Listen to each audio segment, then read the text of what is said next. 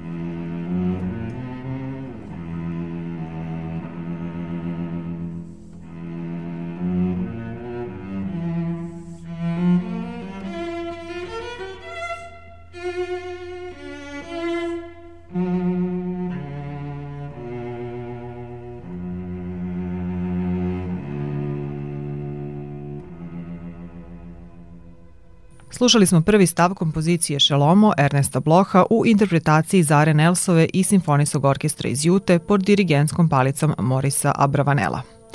Iako načelno trostavačno, delo je u stvari osmišljeno kao bezgranična celina u kojoj violončelo i orkestar imaju ravnopravne uloge. Premijerno ga je izveo Hans Kindler, prvo čelo Filadelfijskog orkestra, 1917. godine u Carnegie Hallu, a dirigovao je Artur Bodanski – Šelomo je odmah doživelo uspeh i oduševljenje publike.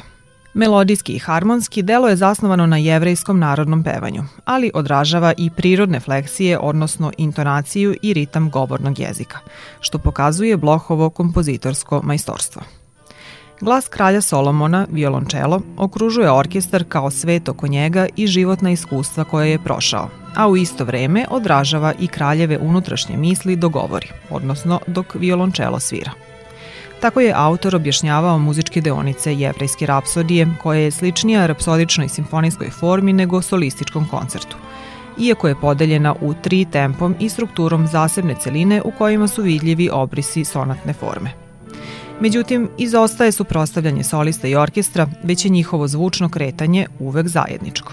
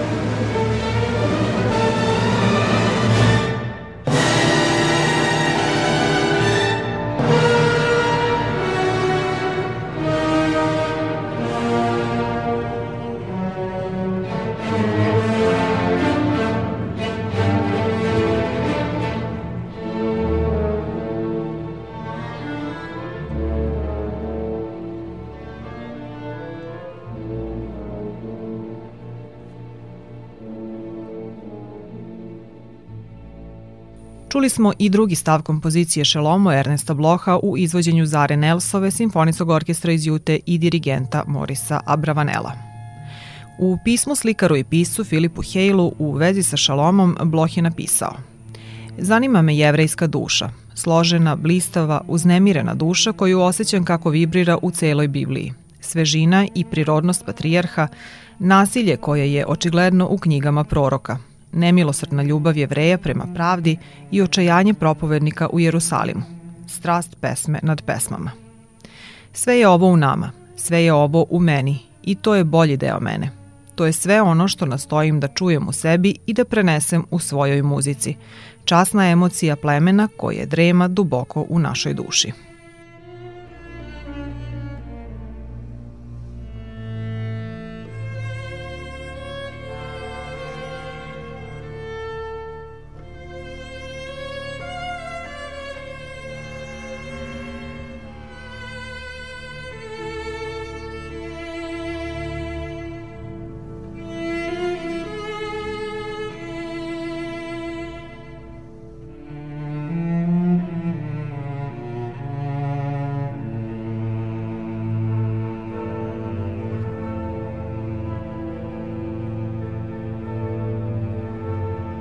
Bloh nije pisao samo muziku koja počiva na jevrejskoj kulturi i religiji, ali se ona smatra njegovim najvećim doprinosom umetničkoj muzičkoj baštini.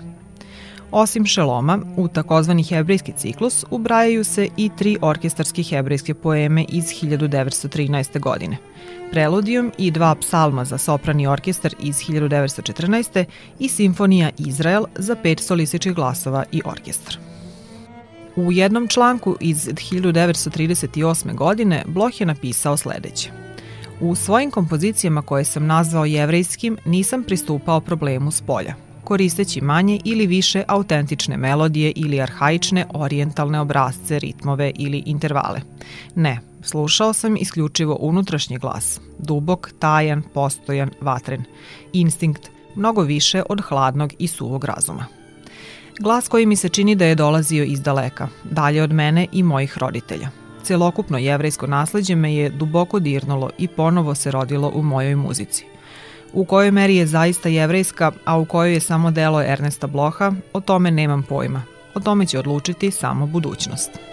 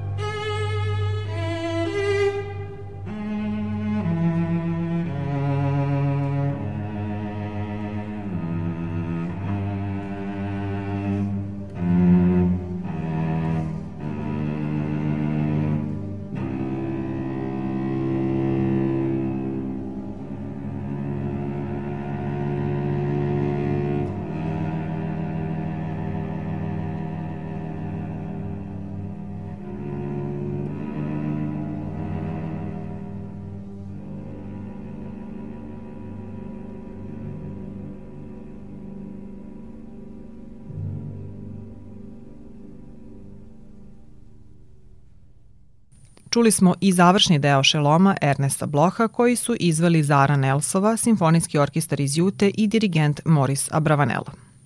Kompozitor kojem smo posvetili večerašnju emisiju ne dolazi iz muzičke porodice. Ernestov otac bio je sajđija u Ženevi. Još kao dečak, Bloh je shvatio da ne želi da se bavi porodičnim poslom, već da je njegova strast muzika, koju je izučavao u rodnoj Ženevi, Briselu, Frankfurtu i Parizu.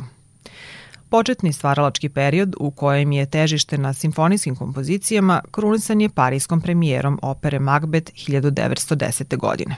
Posle toga nastupa period u kom se Bloch posvećuje temama iz jevrejske kulture.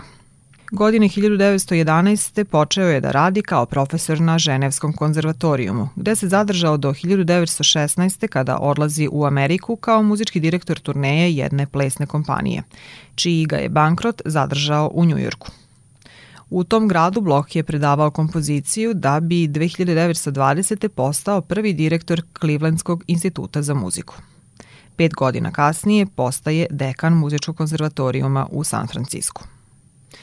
Godine 1930. sa američkim državljanstvom vraća se u Švajcarsku, ali na početku drugog svetskog rata ponovo napušta Evropu, nastanjujući se u Oregonu. Do penzionisanja, odnosno do 1952. bio je profesor na Berkliju. Preminuo je u Portlandu 1959. godine. Za stvaralaštvo je dobio važna međunarodna priznanja i nagrade, a ostavio je i trag u američkoj muzičkoj pedagogiji odgajajući brojne generacije kompozitora.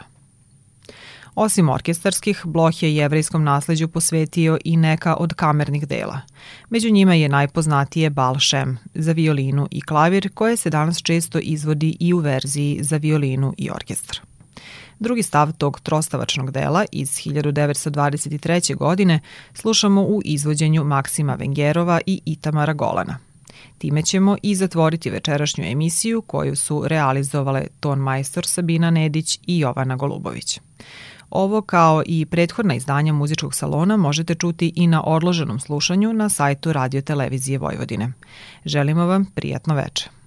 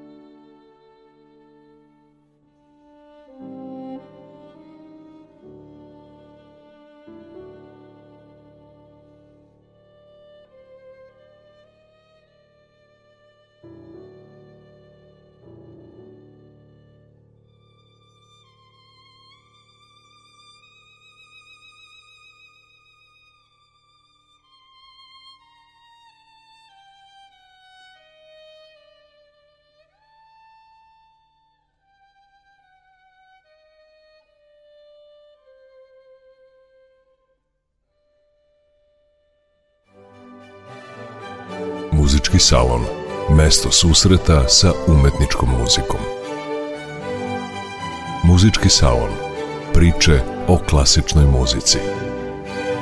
Muzički salon.